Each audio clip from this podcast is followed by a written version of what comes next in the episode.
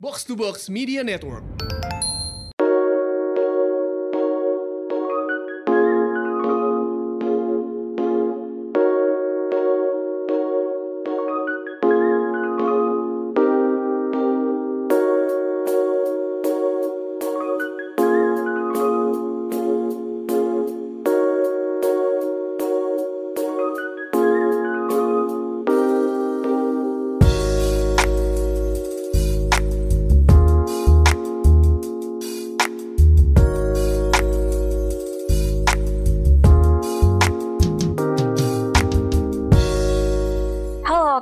Lagi bersama saya Gustika. Dan Rande. Kebetulan hari ini eh, gue yang ngelit ya, Ran. Oke, mantap. Mantap. Eh, semoga saya berhasil kali ini. Oke.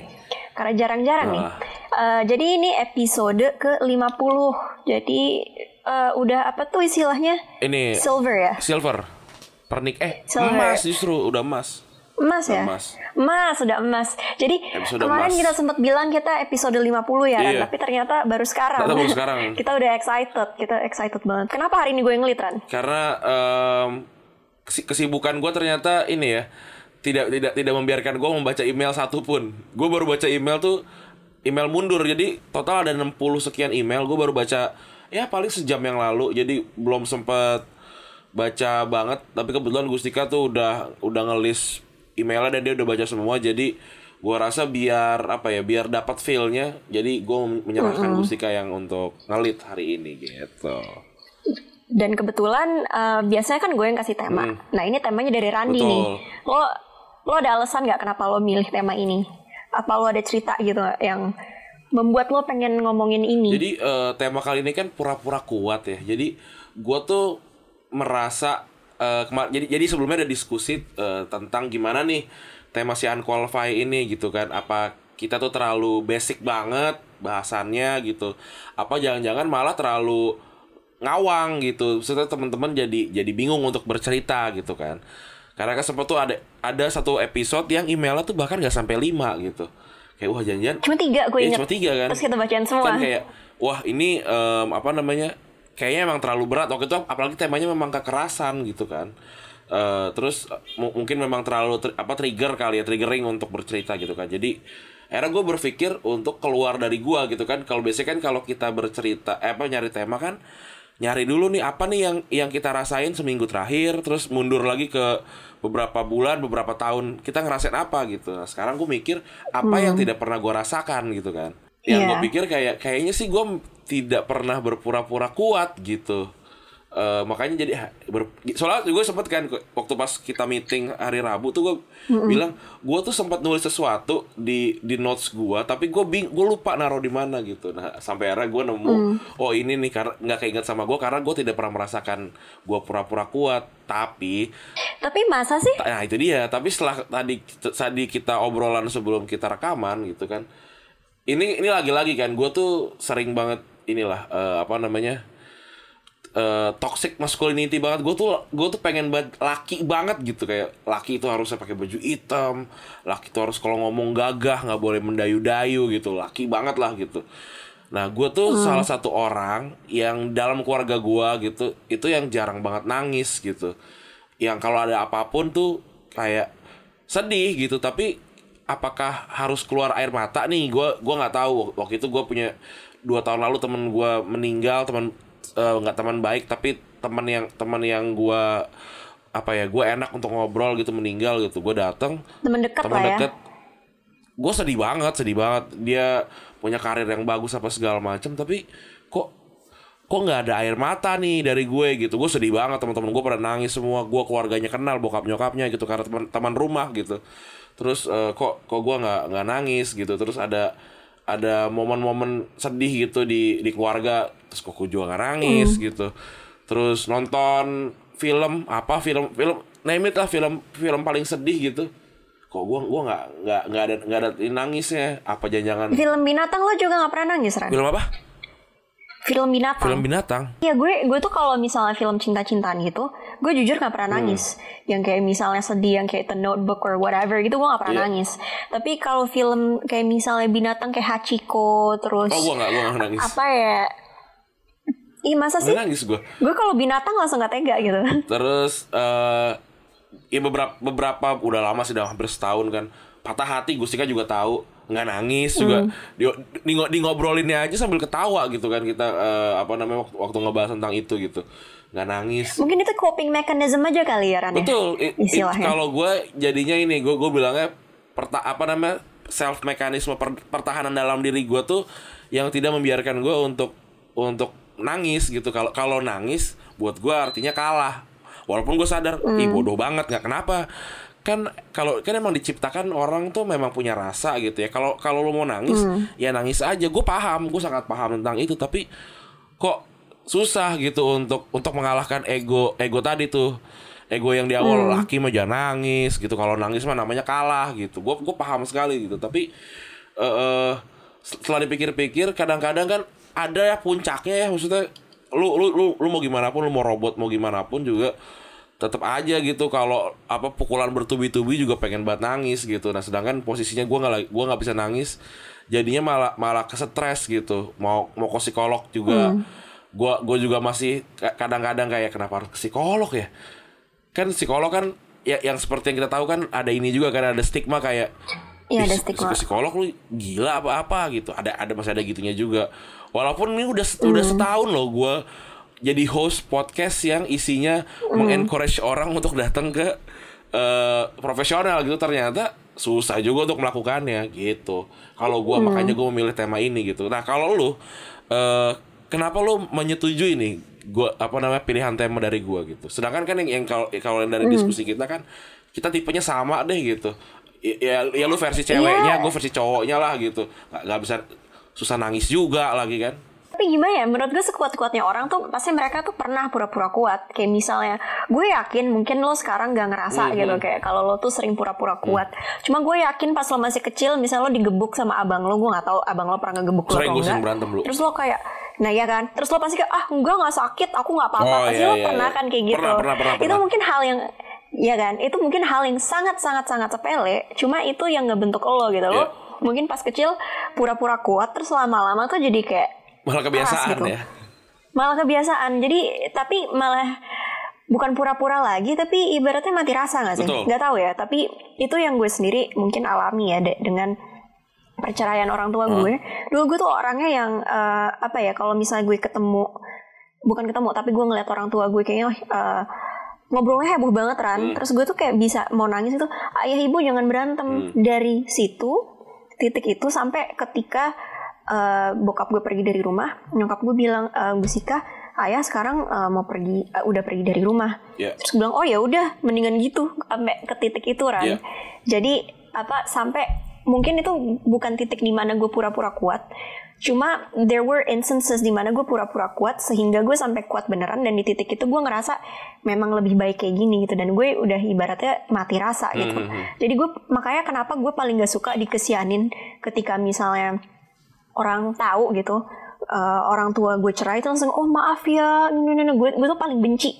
Ketika orang lihat gue itu kayaknya harus dikesianin kayak no that's it's part of life and I don't see any apa ya kayak gue juga bukan pura-pura kuat lagi di situ gitu. Tapi mungkin ketika gue masih kecil ada masanya kayak gitu. Apalagi pas gue kelas 1 SMP kan gue pernah cerita yang gue kayak ya nggak dibully juga. Ya menurut menurut nyokap gue sih gue dibully dan gue nggak menyadari hal itu sampai gue akhirnya sudah dewasa cuma em, ya pokoknya gue paling nggak suka aja gitu ketika orang tiba-tiba sok ngesia- kasihanin gue.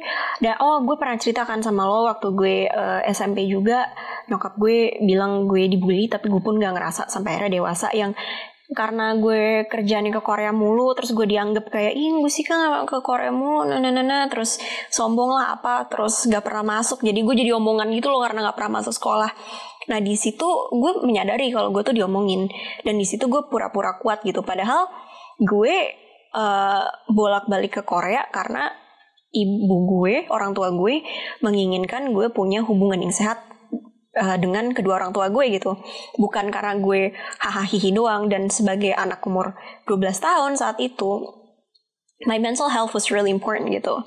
Itu sesuatu yang bisa perceraian orang tua tuh sesuatu yang bisa memukul anak banget. Apalagi gue anak tunggal kan. Dan di situ, tapi instead of like getting the proper support from friends atau apa, mereka malah dengki dan ngegituin gue gitu, nge apa ya, ngomongin gue yang nggak perlu-perlu lah intinya. Jadi karena mereka iri doang. Jadi kayak ya bukannya gimana ya gue kalau misalnya bisa tinggal bersama kedua orang di saat itu ya gue bisa tinggal dengan kedua orang tua gue di satu atap dan dan mereka tidak perlu dan gue gak perlu keluar negeri. I would rather have that daripada gue punya dua rumah gitu ibaratnya. Dan di situ gue inget banget itu puncaknya di mana gue tuh selalu selalu selalu pura-pura kuat. Tapi pada akhirnya gue menyadari bahwa well I'm in this life for myself. Mungkin uh, sampai gue kapan eh, sampai kapan pun gue nggak akan pernah dapet support yang besar kecuali dari diri gue sendiri. Dan momen pura-pura kuat itu pada akhirnya mungkin mem- membekukan hati gue lah istilahnya. Dan membuat gue orang yang sekarang sesimpel itu. Iya sih, sama sih. Gue ngerasa kayak ini ini apa apa gua mati rasa ya. Jadi kok ja- eh, ja- ja- jadi jadi kayak nggak nggak per, pernah merasakan yang seharusnya gua rasakan gitu tentang apa ke kemarahan gitu kesedihan. Kalau marah sih gua gua marah lah. So lu juga tahu eh, apa Iya, namanya iya. eh, gua gua kayak gimana gitu eh, kerasnya gitu. Tapi setelah gue pikir-pikir mungkin kita ada miripnya ten- eh, waktu diobor- diomongin sama orang gitu. Jadi waktu zaman SMA ada ad- ada posisi di mana em, gue itu apa ya di- bisa bisa dibilang gue kalah suara gue gua kalah disukain sama orang yang berkonfrontasi sama gue gitu. Jadi eh teman angkatan gue lebih memilih memilih eh, ke dia. Jadi eh apa namanya ja- ja- jadi jadi gue sering denger dengan dengar obrolan di belakang gue gitu. Gue tahu gitu tapi kayak eh ya gue gua gua gua ngerasa kayak ya udah nggak apa-apa biasa aja gitu. Or, toh juga gue eh apa namanya nggak butuh-butuh banget gitu. Itu mungkin posisi yang gue ngerasa kayak eh sok kuat gitu kali ya. Jadi dan dan itu pun Iya, iya. kalau kalau menurut gue gue gue sama teman-teman SMA gue tuh akrab akrab eh maksudnya kayak gue gue kalau kayak kalau reunian dateng kalau nongkrong gue sering banget datang segala macam tapi sampai sekarang gue ngerasa eh apa namanya gue selalu naro batas yang sangat jelas yang bisa dilihat juga sama mereka yang yang yang gue tidak membiarkan mereka masuk lebih jauh ke kehidupan gue bahkan batas itu baru gue angkat untuk Febri itu setahun ke belakang. Sorry satu setengah tahun ke belakang gitu. Em, apa namanya? Karena Febri ada di posisi yang eh ibaratnya kayak lu lu Febri itu temen gua. Jadi teman-teman yang nggak tahu Febri itu partner eh gue di Retropus Eh, Febri itu teman gue di SMA gitu. Dan kita teman baik kita liburan. Dari SMP dari dari SMA dari SMA nah terus Oh, dari SMA. kita kita liburan kita liburan asrama main bareng segala macam. Tapi ketika gua ada di posisi yang harus selalu belain lu tidak mengambil lu tidak mengambil eh side, side Side. di gue gitu. Lu lu lu memilih di tengah gitu. Karena ya lu kan teman gue dan yang ini juga teman gue. Kayak kalau kalau buat gue kayak ya anjing nggak bisa kalau lu teman kalau lu teman ya lu harus nentuin pilihan gitu.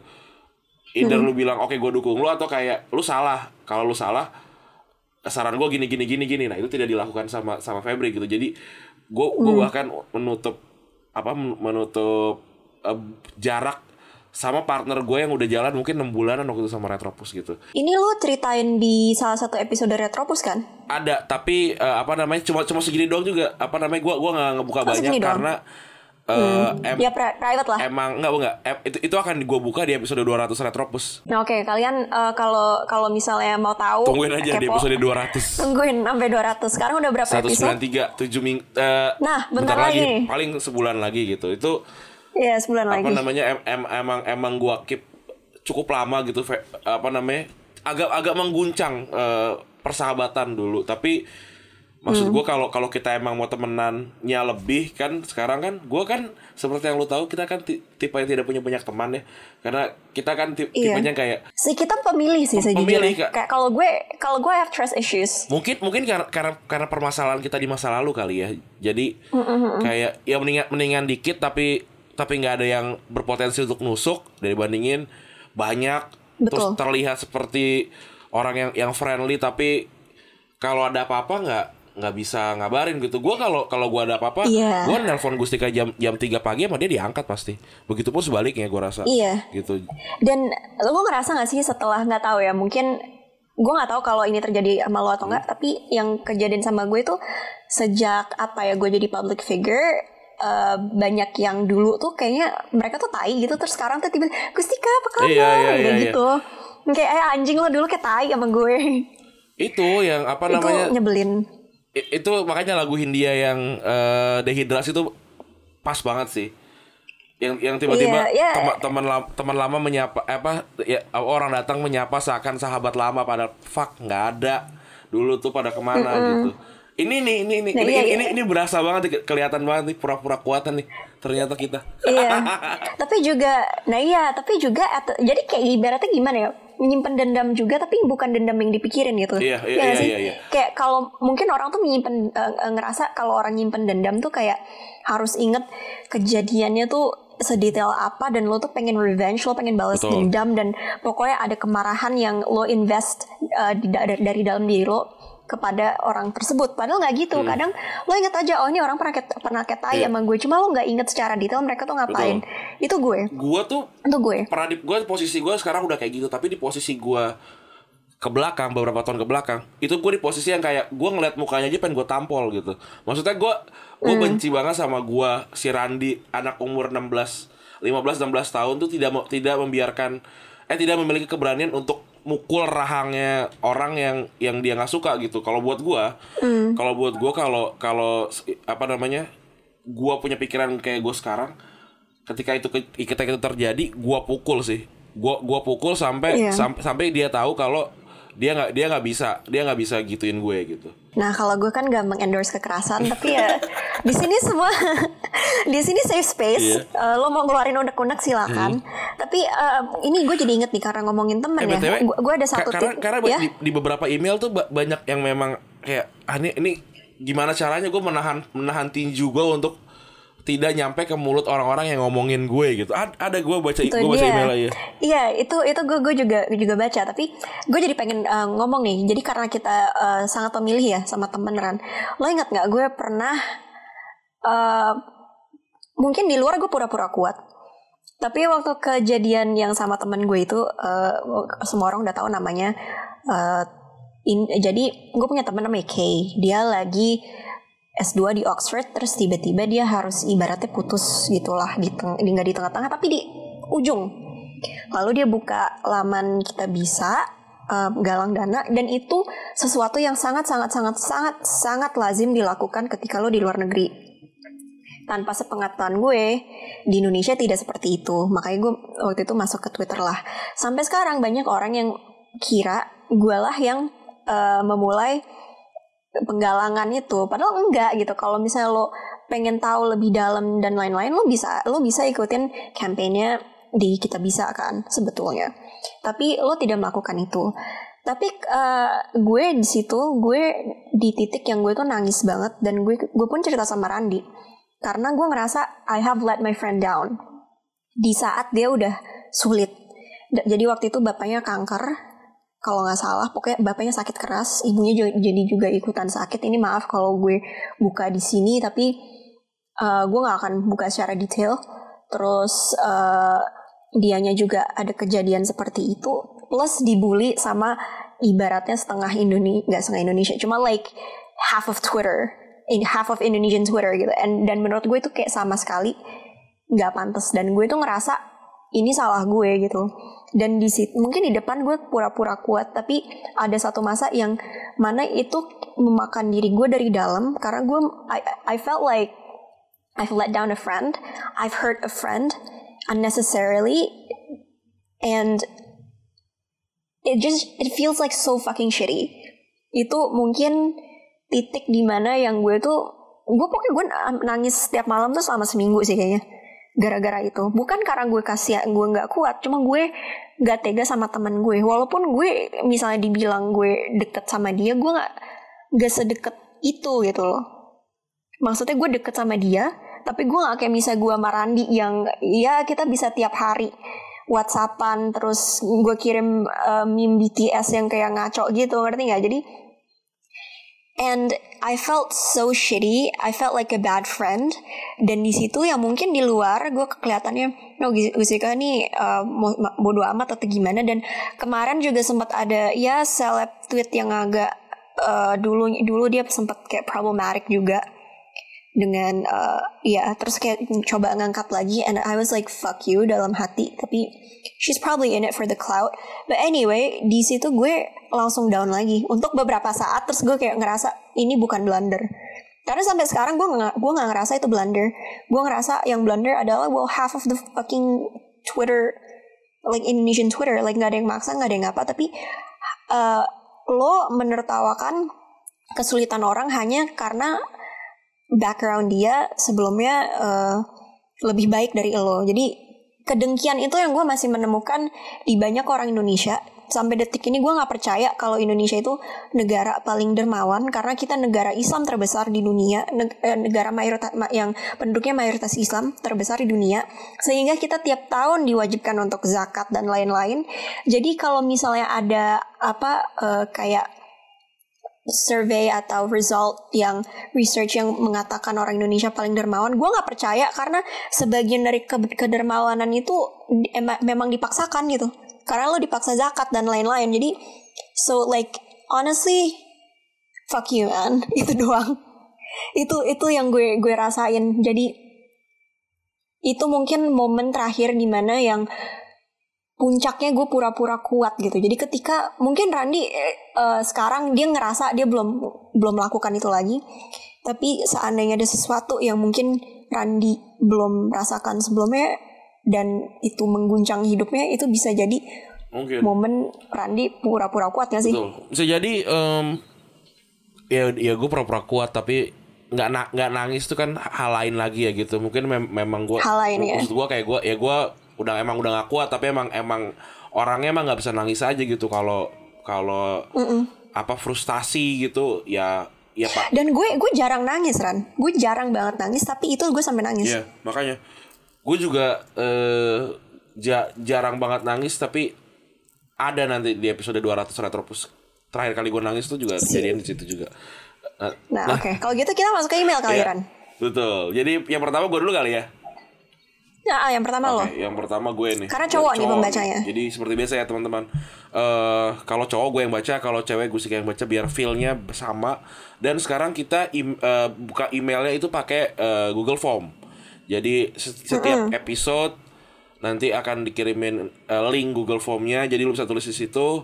Karena sepertinya setelah kita pakai Google Form, uh, teman-teman yang dengerin lebih antusias untuk bercerita dan uh, karena ini banyak banget dan bagus gue gue sangat mengapresiasi sekali gue dan gue juga sangat mengapresiasi sekali dan karena kita sudah punya Instagram nanti cerita-cerita ini yang emang kita udah minta juga oh, apa namanya kita udah minta ke ke apa namanya ke, eh, ke, ke di dalam Google Formnya lah. di restu, uh, minta restu sama mm -hmm. penceritanya boleh nggak nih diangkat ke dalam dalam bentuk postingan di uh, sosial media gitu karena isi uh, apa namanya kita pengen ngisi uh, Instagram feed kita sama cerita-cerita yang kebetulan nggak bisa kita ceritakan di podcast karena kepanjangan satu nantinya bakal episodenya kita aja nih. Tadi tadi gue inget banget kita ngomong di kita offline ngomong kayak 10-15 menit kali ya cerita kita. Tapi ternyata nggak bisa. Ini aja udah 23 menit gitu. Jadi uh, nah, iya. dan gue pengen banget mengapresiasi cerita yang masuk karena cerita bagus-bagus banget. Jadi nanti nanti gue dan Gustika akan mengkurasi ceritanya lagi untuk masuk ke sosmed yang nggak masuk ke di episode ini gitu Oke,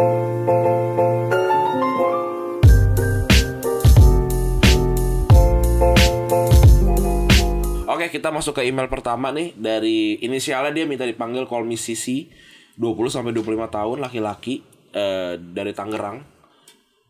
Um, ceritanya gini, aku kehilangan ayahku 7 tahun yang lalu ketika aku masih 15 tahun. Sekarang udah 22 tahun. Tapi sakitnya sampai sekarang masih bertahan. Dan aku anak laki-laki pertama sehingga merasa eh sehingga masa depan keluarga ada di tangan aku. Aku juga dituntut untuk kuat dan bijak terhadap cobaan yang ada Aku dituntut untuk sempurna karena aku anak laki-laki dan yang paling tua. Konsep pemikiran ini kental banget buat orang Jawa Tengah. Sejak ayah wafat, aku dituntut untuk bersikap dewasa dan menggantikan peran ayahku. Harus mandiri, bertanggung jawab kepada keluarga, nggak keluar nongkrong-nongkrong, nggak boleh kebanyakan main, jadi supir keluarga ke mana pun itu harus pinter, cari beasiswa ketika kuliah dan hal lainnya yang dipaksakan untuk anak 15 tahun. Aku pengen kayak anak-anak muda lainnya yang bisa bebas, lepas, meng- mengekspresikan diri apa adanya. Aku nggak bisa. Ada keluarga di pundakku dan kalau aku salah sedikit, semua akan kecewa.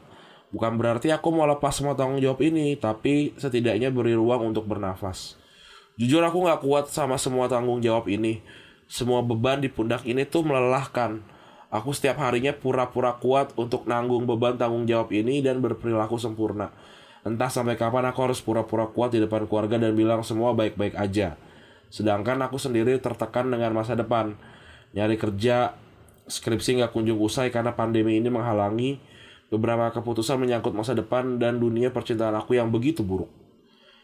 Coba kalau ayahku masih ada, pasti semua akan berbeda. Aku bener-bener pusing, bingung sama pasrah dan hal yang bisa kusampaikan ke keluarga sekali lagi hanyalah semua baik-baik aja.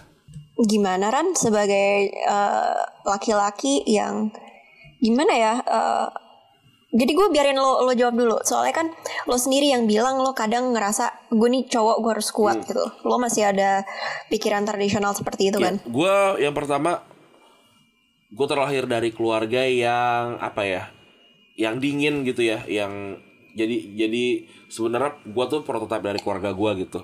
Walaupun memang gue tuh versi yang lebih ekstrimnya gitu, yang yang oh yang yang yang beda banget sih gitu. Tapi pada basicnya keluarga gue memang keluarga yang yang cukup dingin gitu.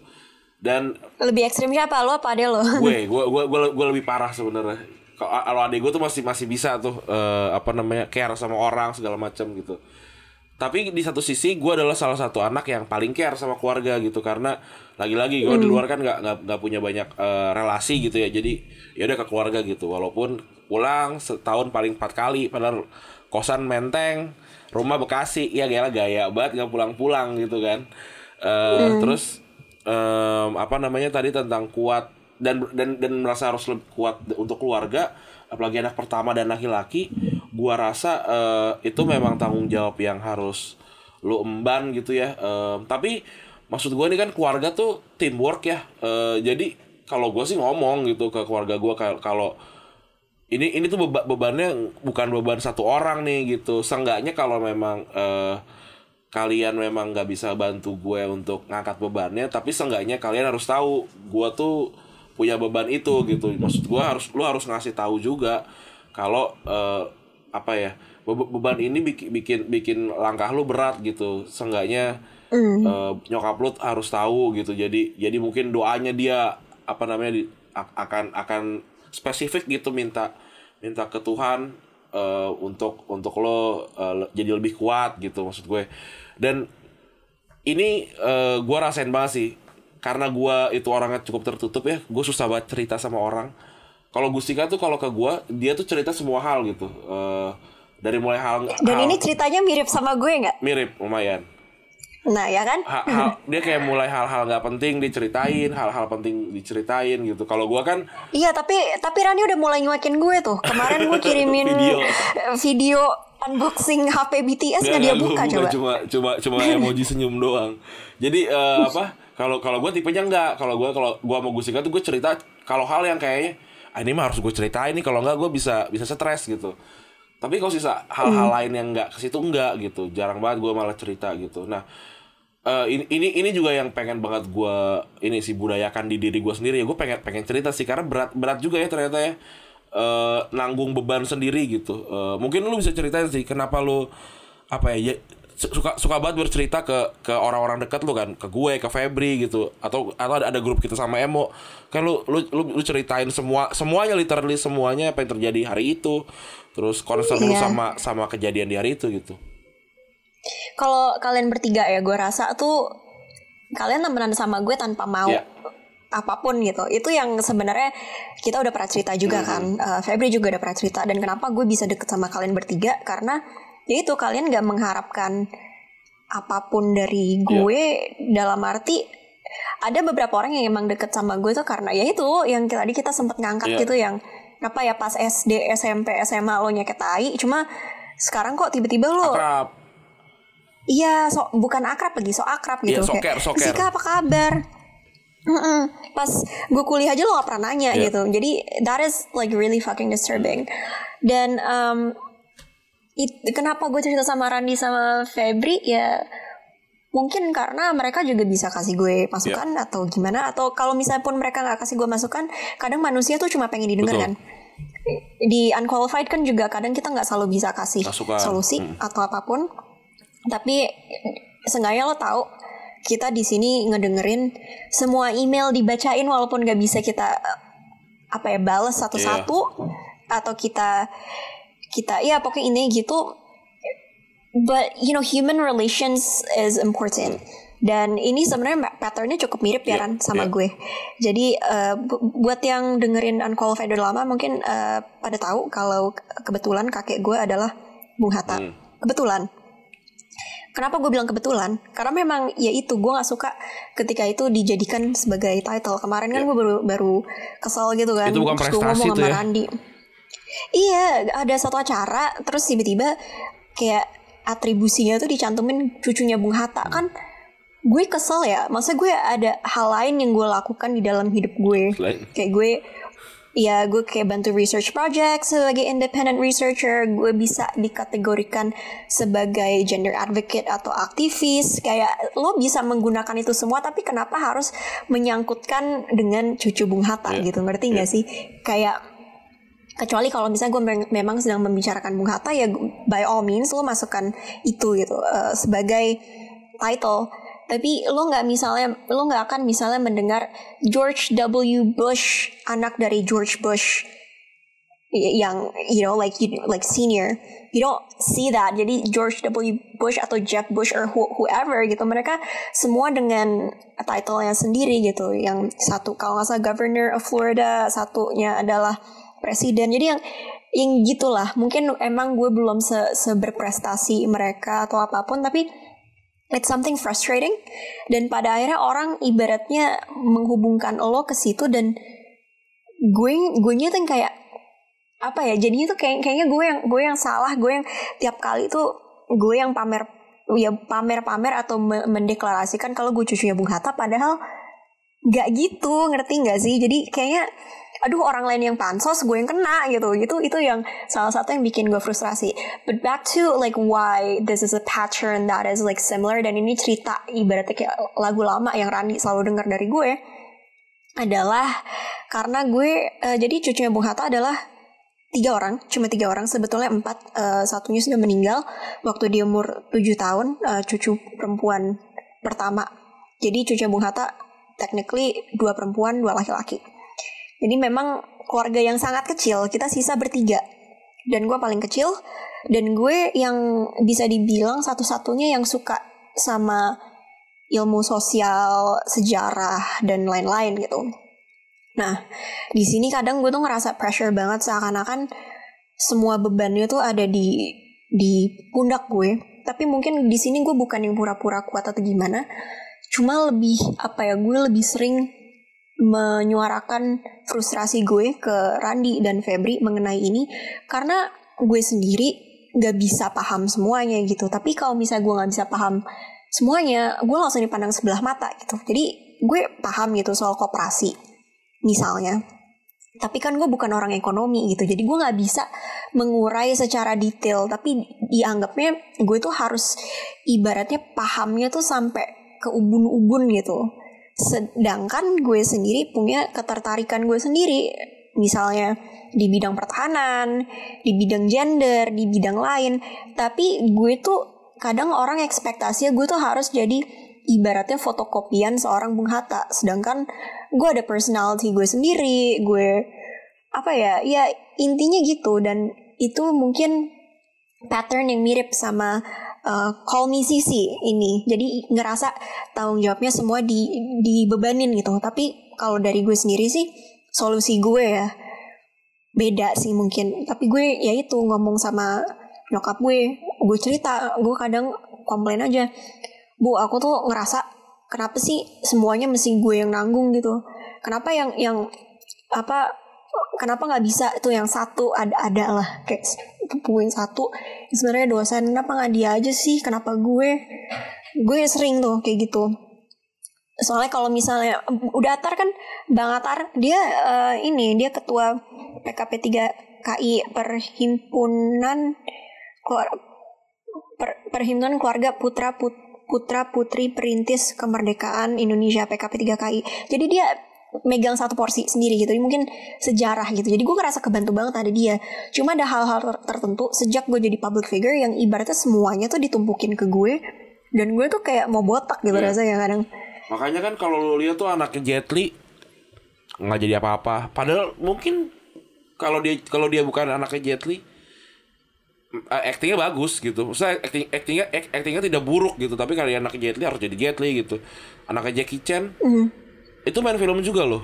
Tapi kita nggak pernah tahu gitu. Terus para pemain bola tuh anaknya anaknya Maldini tuh nggak mm. jadi nggak jadi gitu. Terus uh, banyak anak anaknya para legenda itu dapat beban yang jauh lebih berat dibandingin anak dari bukan siapa-siapa gitu karena karena karena hmm. dari karena karir karir keluarganya dulu yang sebelum sebelumnya pendahulunya tuh se, segitu agungnya gitu dia dia dia anak hmm. umur 17 tahun gitu apa yang ap, lu, lu lu mengharapkan dia anaknya Messi coba lu bayangin jadi anaknya Messi ntar main bola. Kalau gue jadi anaknya Messi gue gak akan main bola. Sebesar sebesar apa pun gue gue gue akan bisa ngalahin bapak gue. Berat yeah. banget berat banget gitu. Terus ditambah ditambah lagi orang-orang yang nggak paham yang paham mungkin itu berat tapi memang tujuannya buat jatohin gitu. Mm. kayak iya jadi itu ada pattern yang apa ya ngerasa dibebanin. Tuh. cuma ya itu kadang you have to voice out lo lo uh, limitnya di mana gitu gue juga selalu ngomong sama nyokap gue limit gue di sini gue ya, bisa dan, dan satu hal yang lo harus tahu lo bukan bokap lo jadi lo tidak usah berakting sebagai bokap lo gitu lo, lo jadi lo aja gitu. itu Iya, kayak itu lo udah nonton film New York Minutes belum? Hmm. Gue jadi inget hmm. soalnya gue kemarin pengen nonton gitu. Itu itu kayak film American and Ashley mungkin zaman zaman gue gue malu SMP kelas 1 kelas 2 lah kan atau gue kita SD kelas 6 hmm. gitulah. Itu uh, ceritanya i, uh, kan mereka gambar ibunya meninggal.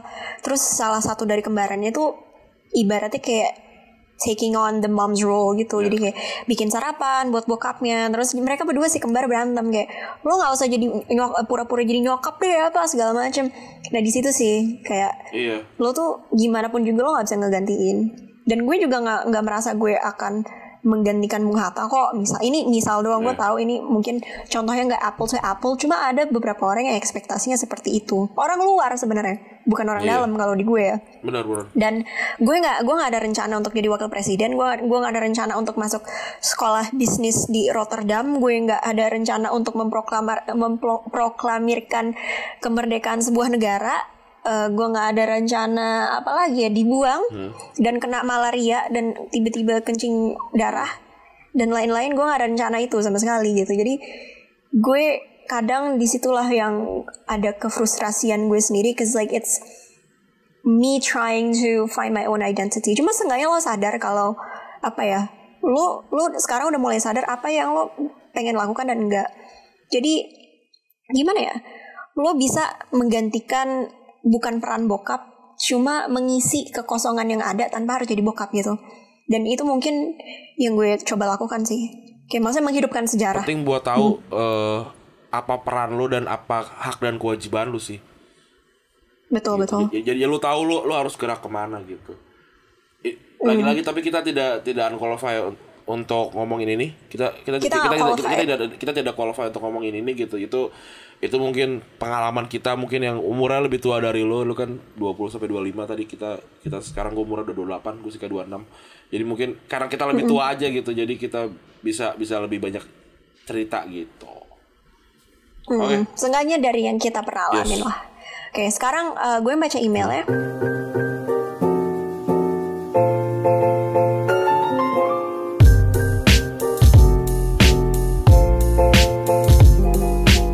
Musika dan Randi, langsung aja. Setelah mengalami yang namanya kehilangan anak di tahun lalu, jujur sangat relate dengan tema kali ini, yang namanya menjalani hidup kembali ke sedia kala karena masih punya anak yang tertua menginjak umur-umur eksplorasi tinggi. Dan juga tekanan orang tua yang selalu doktrin kalau ada masalah bawa aja dalam doa, yang malah membuat saya mempertanyakan keimanan saya. Saya sudah saya sudah sejak awal ingin sekali bertemu dengan ahli, entah psikolog, psikiater. Namun doktrin orang tua yang selalu relasikan hal tersebut dengan orang yang jiwanya sudah sangat terganggu, gila bahasa kasarnya, sampai pada akhirnya masa pandemi ini membuat saya yang mendekati kondisi gila. Anak saya yang mungkin tidak bermaksud, saya bentak-bentak dan Emosi saya meluap-luap. Orang tua saya tidak tahu hal ini, tapi suami saya yang melihat secara langsung akhirnya mengantar saya ke psikiater dan akhirnya didiagnosa depresi berat. Inti dari cerita sebenarnya yang pasti teman-teman yang orang tuanya belum membuka diri dengan mencari pertolongan ahli dan kaitan ke iman dan dikaitkan ke iman. Namun selain bantuan spiritual, bila perlu bantuan manusia selalu keluarga selaku bentar namun selain bantuan spiritual, bila perlu bantuan manusia, selalu keluarga dan kerabat menurut saya sangat membantu. Mudah-mudahan Qualified selalu menyuarakan dan selalu salurkan edukasi khususnya kesehatan mental. Makasih Michiko. Jadi karena kita kenal, gue bilang aja ya uh, tahun episode sebelumnya gue sempet ngangkat ya uh, gue cukup sedih selama sebulan karena mengalami kebany banyak kematian walaupun nggak meng apa ya it didn't affect me secara langsung. Dan ini salah satu orangnya yang kehilangan anaknya. Jadi lo mau duluan atau gue? Gue nggak bisa berkomentar apa apa ya karena maksudnya gue belum pernah kehilangan orang terdekat gitu ya. Kakak kakak adik gue masih ada terus nyokap bokap gue masih ada tapi gue mungkin bisa gue sangat memahami ya uh, kehilangan kehilangan seseorang yang yang ditunggu-tunggu gini ditunggu-tunggu gitu kan. Ini kan lahir apa lahir langsung meninggal gitu ya uh, apa ya berat berat sih berat sih untuk bahkan untuk komentar apa pun sih kalau buat gue gue sendiri jujur nggak bisa komentar walaupun gue kenal orangnya. Uh, selain gue senang bahwa dia sudah akhirnya apa ya menyempatkan diri untuk pergi ke profesional. Tadi gue baca salah satu tweet bahkan orang yang mungkin punya kualifikasi aja gak bisa mendiagnosa diri sendiri, apalagi uh, orang yang gak punya kualifikasi dan mendiagnosa diri. Kan suka or, suka banyak orang yang apa ya bilang oh gue men gue mental illness apa segala macam itu dijadikan alasan untuk jadi asshole. Dan itu menurut gue sangat gak pantas dan mungkin dari gue, if you wanna talk, you know I'm always here. Walaupun mungkin gue nggak bisa ngebantu apa-apa karena selain ngedengerin dan gue nggak nggak bisa apa ya gue nggak akan bilang gue ngerti perasaan lo seperti apa. Karena gue gak, gue nggak pernah ngerasain itu dan it's entirely different. Gue pernah cerita juga tante gue mengalami ini tadi gue ngomongin soal sepupu gue dan sampai sekarang tante dan om gue I don't think they're over it. Dan mereka umurnya udah 80 dan uh, 70-an tahun. 70-an akhir ya, ya 70-an berapa lah gue gak tahu uh, lupa. Tante gue tuh lahir tahun 4 47 kalau nggak salah. Nah ya tahun segitu. so 8, 83. Eh, ya. 73, 73. eh. Iya. Iya. Yeah. Yeah. 7 tuh eh matematika gue buruk? Yes. iya tujuh tiga tujuh tiga. Ya well gue nggak tahu mesti ngomong apa tapi intinya mungkin lo nggak mungkin lo sendiri dalam hal ini tapi gue tahu orang ini banyak banget yang sayang sama dia. Jadi if you know, like gimana ya you're probably on your own on this journey but then there's a lot of people who support you and love you and don't you know like always ask for help I suppose. Dan kalau lo lagi butuh. Kalau lagi butuh ketawa-ketawa ya gue ngerti sih pandemi gini kan mestinya biasanya bisa jalan-jalan ketawa-ketawa ya. Iya sekarang susah. Makan es krim minum boba cuma saat ini lebih sulit. Nonton banyak itu kayak drama kayaknya. Tapi jangan yang sedih-sedih. Iya. udah gitu doang. Maaf ya gue gak bisa komentar banyak. Um, love you Yes. Kita slide ke selanjutnya ya.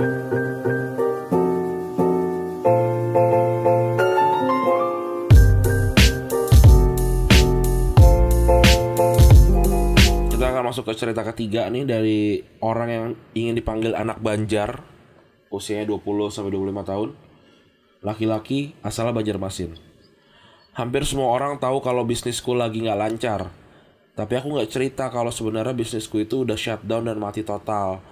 Hampir semua orang tahu kalau aku lagi kesulitan secara finansial, tapi aku nggak cerita kalau aku kelilit hutang sampai berjuta-juta.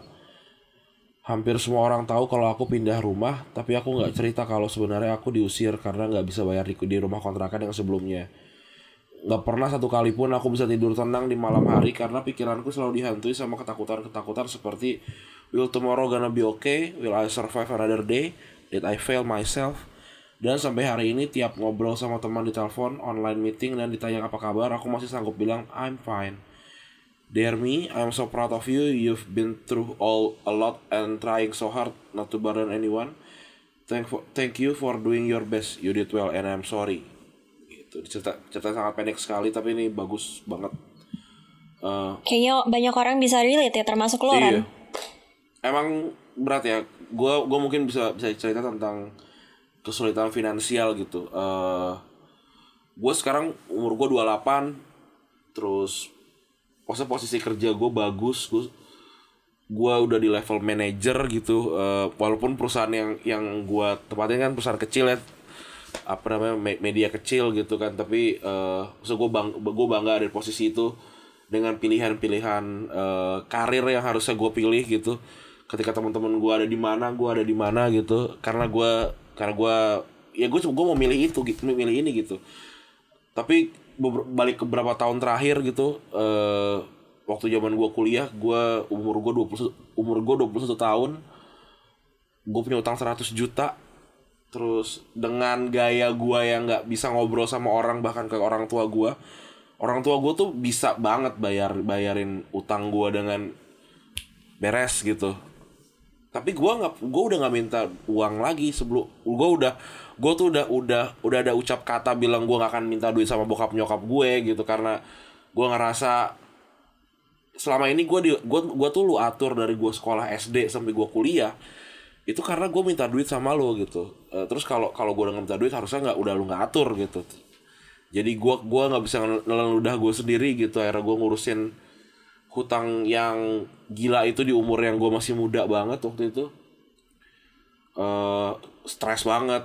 Tapi ya ya akhirnya apa namanya gue gue nemuin jalannya. Mungkin nggak bisa diceritain juga jalannya gimana dapat dapat uangnya. Inti intinya intinya berusaha dengan dengan dengan keahlian gue gitu dengan keahlian gue gue selesain masalah itu. Em, gue nggak bisa bilang juga eh ke depannya bakal lebih baik bisa jadi lebih buruk gitu karena ini hidup ya kita nggak pernah tahu roda. Memang benar roda itu berputar gitu tapi kita nggak pernah tahu seberapa seberapa besar diameter roda kita gitu. Eh bisa bisa jadi ro- roda gua sangat kecil gitu jadi posisi gua dengan cepat berubah dari tadi paling bawah jadi paling atas terus jadi jadi bisa lebih bawah lagi. Tapi bisa jadi eh, anak banjar lo itu rodanya gede banget diameter sediameter bumi mungkin. Ketika lu di bawah naiknya lama banget mungkin sampai sisa umur lu juga lu akan terus di bawah. Gua nggak pernah tahu tapi kalau buat gua seenggaknya eh, apa lu lu lu lu nggak boleh nyerah sih. Lu nggak boleh nyerah posisi lu lagi di bawah banget. Berat banget ya eh apalagi apalagi lu apalagi orang tahu lu kayak ih anak ini tuh kayaknya baik-baik aja gitu. Dan dan lu juga kayaknya bukan tipe yang ini ya bukan bukan tipe yang bercerita juga gitu kayak susah juga untuk untuk nyeritain kegagalan memang. Jadi eh, saran gua lu fokus sama yang lu kerjain. Cari cari bener-bener gimana caranya lu bisa nyelesain itu. Tapi kalau misalkan lu udah udah ngerasa itu udah limit lu lu masih punya keluarga gitu. Kalau kalau lu masih akrab ya gue berharap lu sama keluarga lu masih masih punya hubungan yang baik gitu ngomong sama keluarga lu gitu.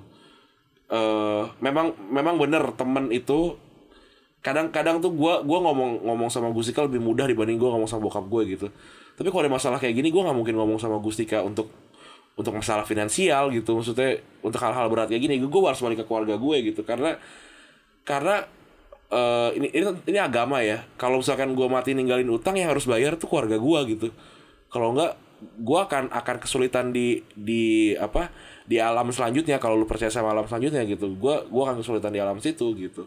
Jadi eh gua ini, ini ini harusnya bukan gue yang ngomong ya. Gue tuh nggak akrab sama keluarga gue tapi gua dan dan gue ngerasa dulu kayak anjir keren kalau orang tuh nggak akrab sama keluarganya gitu. Tapi kalau gue lihat gue sekarang ya gue lihat keluarga keluarga lain ya gue tuh mau banget akrab sama sama keluarga gitu. Keren tuh orang tuh yang yang bisa jalan bareng sama nyokapnya sama adeknya gitu.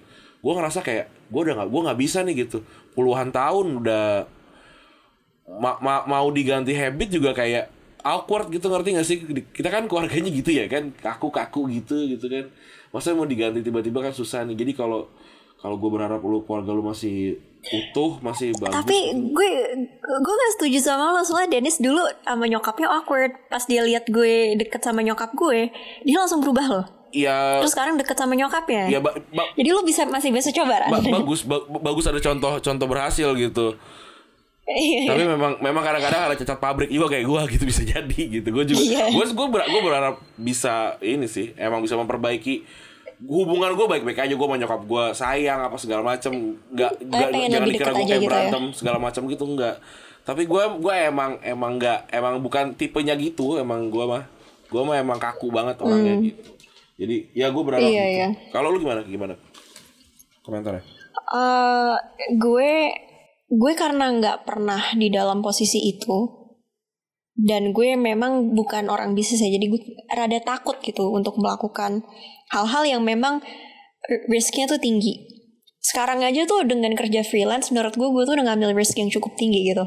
Eh, waktu awal pandemi bulan Maret ya Maret April gitu bisa dibilang gue nggak ada pemasukan ran. Dan itu tuh kenapa walaupun ada HP BTS yang gue lihat unboxingnya bagus banget gue nggak berani beli walaupun tabungan gue memang sudah melebihi itu gitu. Tapi menurut gue itu bahkan bukan sekunder bukan tersier cuma mungkin apa ya lo kebayang gak sih gue sebagai peng- kan gue nggak bisa nyetir. Oke ada supir di rumah gue tapi kan itu juga bukan supir gue. Kadang kalau misalnya lagi lagi free gitu ya udah gitu gue dijemput gitu sama pas surat gitu kan diantar. Tapi kan kalau misalnya ada kegiatan biasa kan gue pasti naiknya ojol naiknya Transjakarta kadang komuter lain gitu. Lo kebayang gak sih gue megangin HP 17 juta? Limited limited edition lagi. Nah intinya gini sih. Jadi gue kayak orangnya tuh nggak nggak kayak apa ya ra- agak nggak mungkin menaruh diri gue di dalam posisi yang ber- harus berhutang kecuali memang sangat amat terpaksa gitu. Jadi bisnis itu menurut gue kan sesuatu yang risknya tinggi gitu. Jadi ya ada keterpaksaan ya bukan ter- keterpaksaan sih. Cuma like it- it's it's complicated. Like I would not put myself in that. Jadi menurut gue untuk lo bisa membangun bisnis aja it's something very commendable. Dan itu sesuatu yang lo bisa eh, apa ya jadikan pelajaran di hidup lo. Eh, lo bisa mungkin ke belakangnya kan Randi sempet ini ya sempet juga di posisi yang sama. Kita pernah eh, ngangkat beberapa kali cerita ini dan mungkin Rani dari situ belajar juga kan kayak dia kesalahannya di mana dan itu nggak akan dia ulangi lagi. Karena bisnis itu apa sih kalau bukan jatuh bangun kan? Like maybe it's easy for me to say karena gue nggak dalam nggak pernah dalam posisi itu. Cuma ya itu sih intinya. Gue nggak tahu gue bisa kasih eh, saran apa. Tapi itu dia kalau misalnya memang sudah terpaksa banget ya ya selain ngomong sama keluarga kalau keluarganya keluarga memang nggak bisa bantu nggak ada salahnya sih ngomong sama temen yang kira-kira bisa bantu tapi juga nggak backstab lo dari belakang. Karena gue jadi inget ini satu cerita eh, tapi ini ini bukan BTS cuma ini ceritanya Super Junior kan. Gue kan suka nonton suka nonton variety show belakangan ini. Jadi Idonghe li- eh, yang di Super Junior si Donghae dia pernah ada temennya datang ke dia buat min- minjem uang karena dia mau buka restoran. Nah si Donghae itu kayak apa ya berat gitu loh. Aduh ini kalau misalnya duit gue nggak balik gimana? Ini amountnya nggak sedikit. Nanti kalau misalnya uh, dia gagal, jangan-jangan kita udah nggak temenan lagi. Tapi tapi ternyata temannya berhasil dan duitnya dibalikin dan apa ya? There are friends like that yang bisa saling ngebantu dan memang mungkin kalaupun di awal mereka trustnya sedikit, kalau misalnya lo berhasil, mereka akan apa ya? They will generally be happy for you. Jadi mungkin gue nggak bisa komentar banyak. Selain I hope you hang in there, uh, belajar dari kesalahan yang ada dan gunakan ini untuk apa ya? Maju ke depan. Gue gue takut ini menjadi sebuah advice yang toxic positivity. Cuma ya itu gue gue rasa Randy tadi udah nge-capture secara baik ya. Kira-kira harus melihat ini seperti apa. Tapi ya dari gue sih belajar aja dari kesalahan ya gue nggak tahu mesti bilang apa lagi selain kuat dan itu hmm. oke jadi ini kita bakalan masuk email terakhir ya sebenarnya untuk tema ini kita akhirnya milih 8 email hmm. Ran uh, ya seperti yang lo tahu ya gue milih 8 tapi karena tadi pas kita lagi apa ya mau shortlist lagi kayaknya semuanya bagus jadinya kita akan bagi ini jadi dua episode dua episode dua episode dan kalau kalau mm -hmm. lu tadi notice teman-teman notice nih, ini semua uh, tiga email yang tadi kita baca dan nanti, nanti satu lagi itu ada temanya dengan uh, keluarga ya, lebih ke keluarga gitu. Mm -hmm. Dan nanti di episode selanjutnya tungguin aja tema tema kecilnya tuh tentang apa gitu. Iya. Oke, kita masuk ke email terakhir ya. Oke. Okay.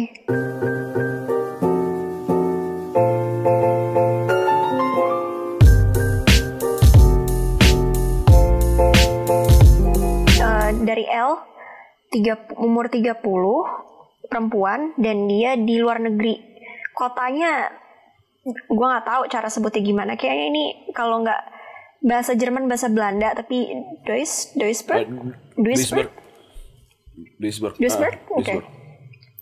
semoga I hope I didn't butcher that pronunciation ya hmm. anyway uh, oke okay, gue mulai baca capek Ya, jujur banget aku capek banget udah berusaha pura-pura kuat selama belasan tahun. Aku tahu maksud mamaku baik.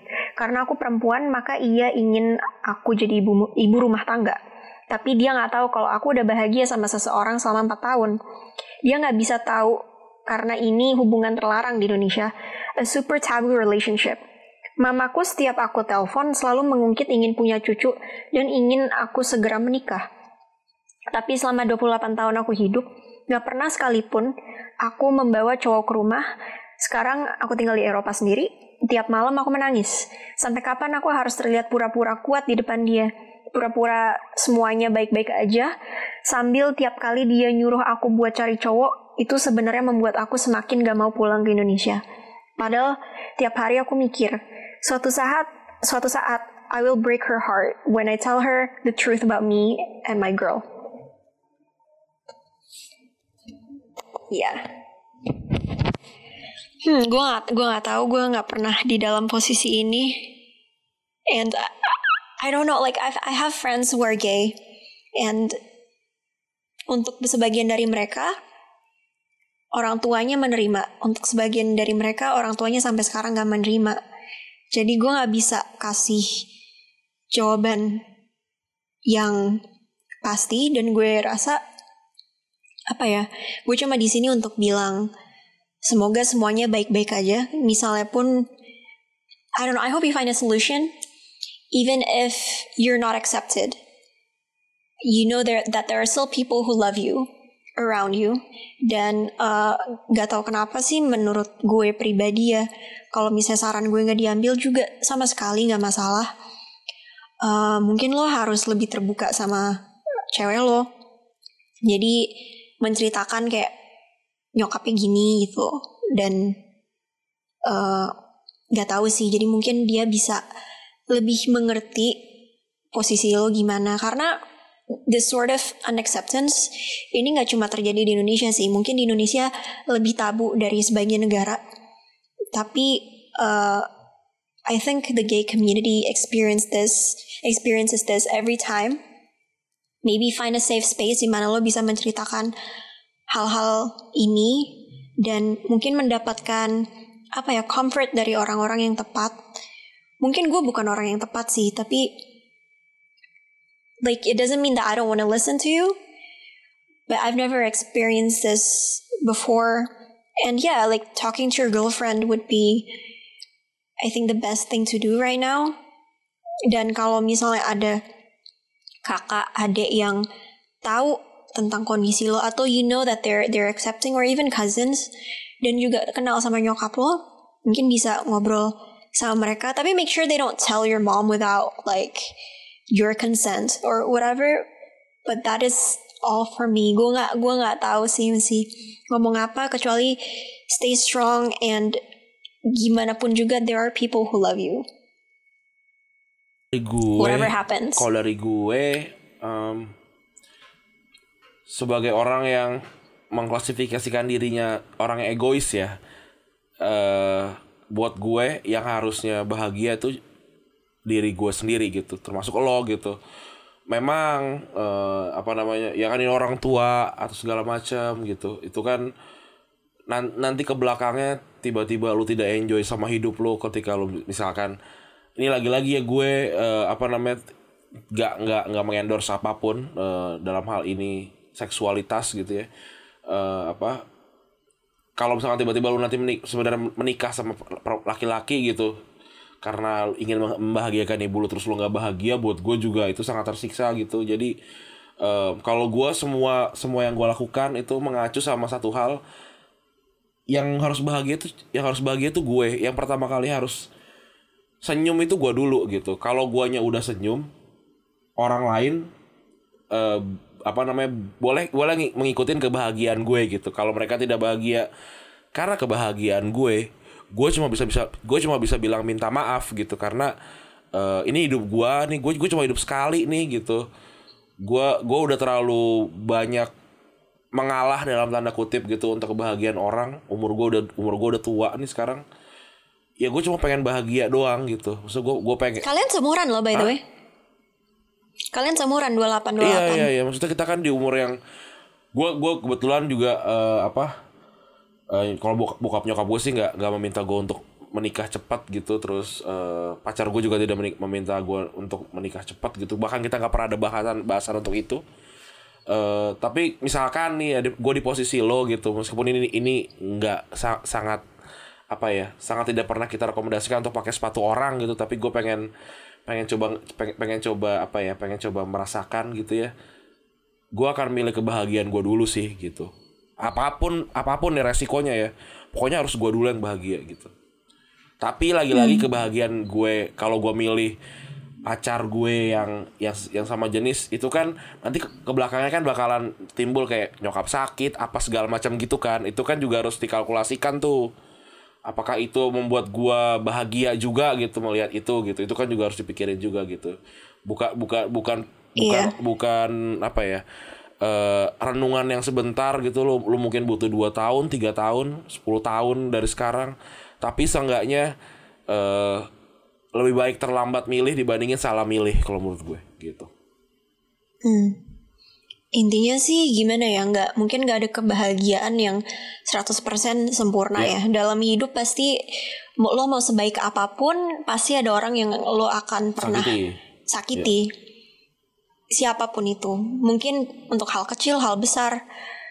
Um, bahkan ada pepatah yang bilang if you wanna make everyone happy, sell ice cream. Iya But then you also have to realize that there are people who are lactose intolerant. iya betul So that's one. Jadi di and diabetic by the way. Tapi intinya sih gimana ya? Um, gue setuju sama Randi dan lo gak bisa ngebahagiain semua orang. But kayak kata BTS, love yourself dan kata Randi juga seperti itu. Ternyata Randi udah mulai satu aliran Tidak, dengan BTS diam-diam. sudah menemukan itu duluan Alhamdulillah. Iya, iya. Diam-diam dok doktrin gue berhasil, tapi lo aja juga lo aja nggak sadar. dina- apa denial ya Denial lo. Em, Tapi kalau lu gimana Gus? Kalau kalau lu tuh apakah lu akan mendahulukan kebahagiaan lu dulu sendiri gitu? Untuk hubungan yang personal gitu, kalau misalnya gue harus hidup dengan seseorang, Iya. iya, gue Iya. akan eh, apa memilih diri gue sendiri. Tapi kalau untuk karir mungkin enggak. Hmm. Jadi misalnya gini, gue gue kan anak tunggal Ran. Let's say ya orang tua gue sekarang me- mereka mereka berdua memang sudah tua dan gue ber- be- apa bekerja di Indonesia tapi let's say they're like I don't know I'm the only child terus gue dapat kesempatan yang sangat besar nih. Gaji gede banget tapi di luar negeri dan gue harus ninggalin mereka dan mereka tuh udah tua banget. Sekarang sih mereka masih bisa sendiri apa-apa gitu. Tadi bokap gue by the way datang ke rumah Ran. Kayak kocak banget. Ini ini gue intermezzo dikit. Tapi kan gue tadi Sunday barbecue kan. Jadi kemarin eh, jadi tante gue tuh sejak kemarin lagi nginep di rumah gue. Kan rumah gue ke rumah gadang ya. Jadi ada kamar dia dan emang ini rumah keluarga gitu Nah anaknya dia datang sepupu gue Bang Atar datang Terus pasnya bokap gue lagi WhatsApp gue Ran. Terus eh, nanya kamu lagi apa? Ini lagi ada datar di rumah. Besok mau barbecue eh, di sini. Soalnya pagi ini tuh nyokap gue sama tante gue ada les tai chi tau gak Gue bingung banget. Terus eh, bokap gue cuma balas boleh jam berapa? Dalam hati gue kayak ini siapa yang ngajak? Gue cuma bilang doang. Ya anyway eh, akhirnya bokap gue hari ini datang dan dia hari ini datang nyariin apa nyariin eh, kayak gergaji gergaji dia yang udah berapa tahun yang lalu lah. Dia kan udah keluar dari rumah ini like it's been so long. Uh, gue nya masih SMP kelas kelas apa ya kelas Iya. satu? Nggak kelas tiga ya pokoknya udah lama lah dia keluar dari rumah ini. Tapi kayak barang-barang dia kan masih ada nih beberapa bahkan dokumen Kemlu nih rahasia negara ada nih di rumah gue. Jadi eh, terus akhirnya gue kasih dia masker eh, buat ngecat karena dia lagi ngecat rumahnya. But anyway bokap gue tuh udah 65 ta eh 66 ya sekarang ya. Karena dia lahir 54 tapi dia tuh masih bis- masih kuat ngecat dan lain-lain gitu. Jadi kalau misalnya posisi gue sekarang gue mau keluar negeri dan meninggalkan bokap dan nyokap gue posisi masih bisa. Cuma mungkin ada suatu saat nanti di mana gue nggak akan mau ninggalin mereka gitu. So in terms of career I would not put myself first. Dalam arti uh, gue tahu apa yang gue mau lakukan. Mungkin gue gue gue beberapa kali curhat sama Randi. Kayaknya tuh untuk industri uh, kayak research terhadap pertahanan dan dan dan uh, kayak peace and like security but related to women itu tuh agak niche di Indonesia. Dan dan violence against women yang post conflict gitu-gitu agak niche. Bukan yang berarti nggak ada cuma jarang jadi itu lebih banyak di luar. Tapi gue rela berkorban dalam segi itu kalau gue bisa deket sama keluarga gue. Tapi when it comes to relationships I will definitely put myself first. Gue nggak bisa dong misalnya tiba-tiba nikah sama orang yang gue nggak cocok. Gue ngelihat dia tidak bergejolak sama sekali gitu gue nggak nggak kebayang sih. Kayak gue nggak kebayang misalnya ya kalau gue kan I'm straight as hell. Like even if it was like I don't know kayak misalnya ada Know Kaya Scodelario atau Alessandra Ambrosio gitu. Gue suruh nikah sama mereka gue juga gak bisa gitu secakep apa pun gitu. Karena I don't like tits and vagina Iya. basically. Or even gak harus jauh-jauh gitu kalau misalnya ada kayak apa ya eh siapa gitu kayak cowok yang ganteng banget gitu tapi gue juga nggak suka personality and everything kan it wouldn't work out. Jadi da- dari segi hubungan gue tuh pasti akan lebih egois karena itu hidup gue gitu jadi ada hal-hal yang gue egois dan nggak maaf ya gue jadi panjang banget cuma apa-apa kan kita ada waktu tadi Iya. Oke gitu kali ya. Jadi- Udah panjang banget ya. Satu jam 10 menit. Raw-nya. tapi tadi pasti ada yang pasti ada yang potong-potong sih ini mm-mm. Gitu. Anyway, iya soalnya tadi sempet ini sempet apa mati Hmm. itunya internetnya. Jadi inilah struggle kita kalau harus Rekaman rekaman, online. dari rumah uh, uh, online. Semoga minggu depan, besok udah masuk minggu depan, kita udah mau kita udah bisa uh, rekaman in person, ketemu tatap Hmm. muka. Dan semoga kualitasnya jadi lebih baik lagi. Ya. Um, jadi kita akhiri di sini dan gue cuma pengen bilang sampai ketemu beberapa hari ke depan Ran di tatap Ya. muka nanti kita bisa lari-larian kayak ini ya, udah kembali normal nih. Oh iya Randi lagi kena alergi Semoga dia udah sembuh Iya. Tapi nanti gue tuh pengennya kita bisa lari-larian kayak di pantai gitu kan Kayak uh ya gak sih di, di, di film-film gitu Tapi kan social distancing jadi gak bisa Heeh. Jadi nanti dada-dada doang Iya. Tapi Jangan lupa ya untuk gitu sih follow intinya. kita di Instagram di Twitter pot unqualified. Iya. Di search aja kita banyak kita kita bikin diskusi di situ mungkin kita masih gagap sebenarnya apa sih yang kita lakukan ya apa sih yang bisa kita lakukan di situ lu lu komentar aja mumpung kita masih buka masih ini nih masih minta saran nih ntar kalau udah jadi pada baru pada komentar ya tidak kita dengarkan itu saja kita kita kita memang Ya, egois kalian bawel aja, nggak apa-apa. Iya. jadi si- silakan bawel aja sekarang. komentarin terus juga jangan lupa untuk uh, follow kita di Spotify. Follow. terus kalau udah dengerin terus suka atau nggak suka tag kita di Instagram story kalian. Eh, apa namanya tag kita berdua. Gua Randi himself di Instagram Gusika Yusuf di Instagram terus juga pot unqualified tag nanti kita repost.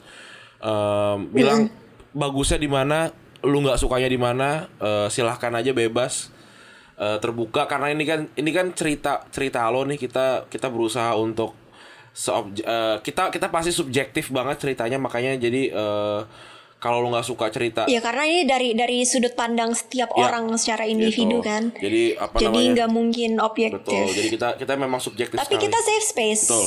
Tapi kita safe kita mencoba untuk menjadi safe Betul, space. tapi kalau kita gue gue pengen lebih in touch lagi ngobrolnya apa bukan ngobrol ya apa namanya eh, berinteraksi sama lu semua eh, dari dari Iya, sosial karena media ini cerita kita. kalian semua jadi Ya, syukur-syukur, syukur-syukur kalau bisa ketemu nanti semoga away day segera terlaksana lagi karena beberapa kota kan udah udah ada udah ada namanya tapi gara-gara corona fuck nih eh, nggak jadi. Iya, kita nyaris ke Surabaya, cuy.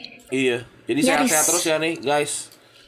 Eh, Jangan jangan keluar keluar rumah dulu kalau kalau belum waktunya. Eh ya kalau kalau masih belum aman. Udah gitu kali ya. eh, kita tutup aja nih. Terima Iya. kasih teman-teman yang udah mendengarkan episode ke-50, episode yang menurut gue nih episode yang sangat bagus banget. Gue gue suka banget. Eh, salah satu episode suka. favorit mungkin. Terima kasih teman-teman sudah mendengarkan. Gue Randy cabut. Gue Gusika juga cabut. Bye. Bye.